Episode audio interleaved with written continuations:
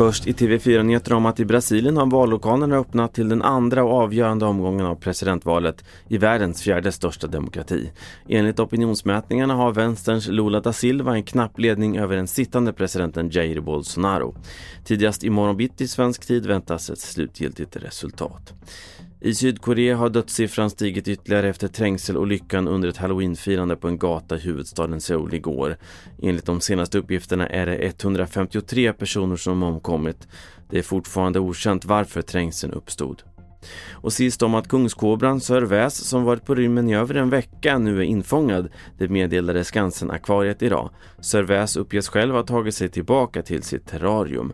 BVS-teknikern Håkan Svanström var en av dem som letade efter honom. Den har ju fångats här under natten och just nu så befinner den sig nere i en eh, så kallad husarrest.